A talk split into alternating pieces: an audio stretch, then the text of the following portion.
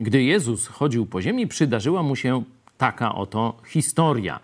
E, wszedł do pewnej wioski, wyszło naprzeciw dziesięciu trędowatych mężów, prosząc o pomoc, o ratunek, o uzdrowienie. Jak się domyślacie, e, co Jezus zrobił? No, uzdrowił i teraz wraca jeden z tych e, dziesięciu, pada do nóg przed Jezusem. To był akurat Samarytanin i mu dziękuje.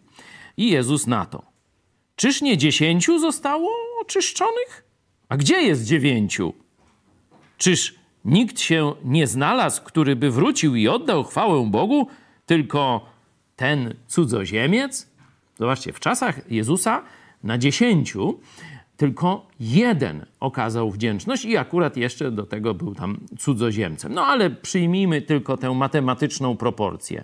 Pomagasz dziesięciu, czyli dwa razy, a wdzięczność okaże ci jeden. To, jest czas, to są czasy Jezusa. Apostoł Paweł z kolei ostrzega w drugim liście do Tymoteusza, trzeci rozdział, werset drugi, e, mówiąc, że w czasach tych przedostatecznych ludzie, i tu wymienia kilka złych cech, a jedna z nich to będą niewdzięczni.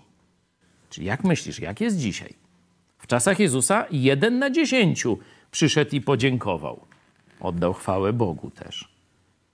W czasach dzisiejszych to będzie 1 na 20, 1 na 50, a może 1 na 100.